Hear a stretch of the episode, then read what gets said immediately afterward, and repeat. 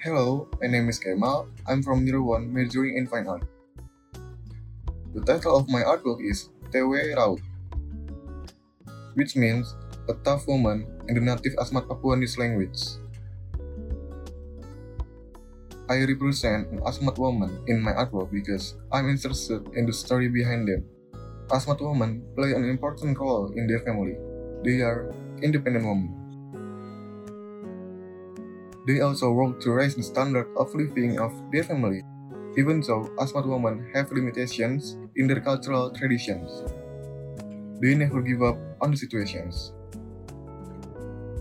I hope my painting could be known to the public, especially to today's women who are living in a modern era, and the rapid pace of information, so they can be inspired by Asmat women no matter what limitations they had, they still survive to pursue their dream.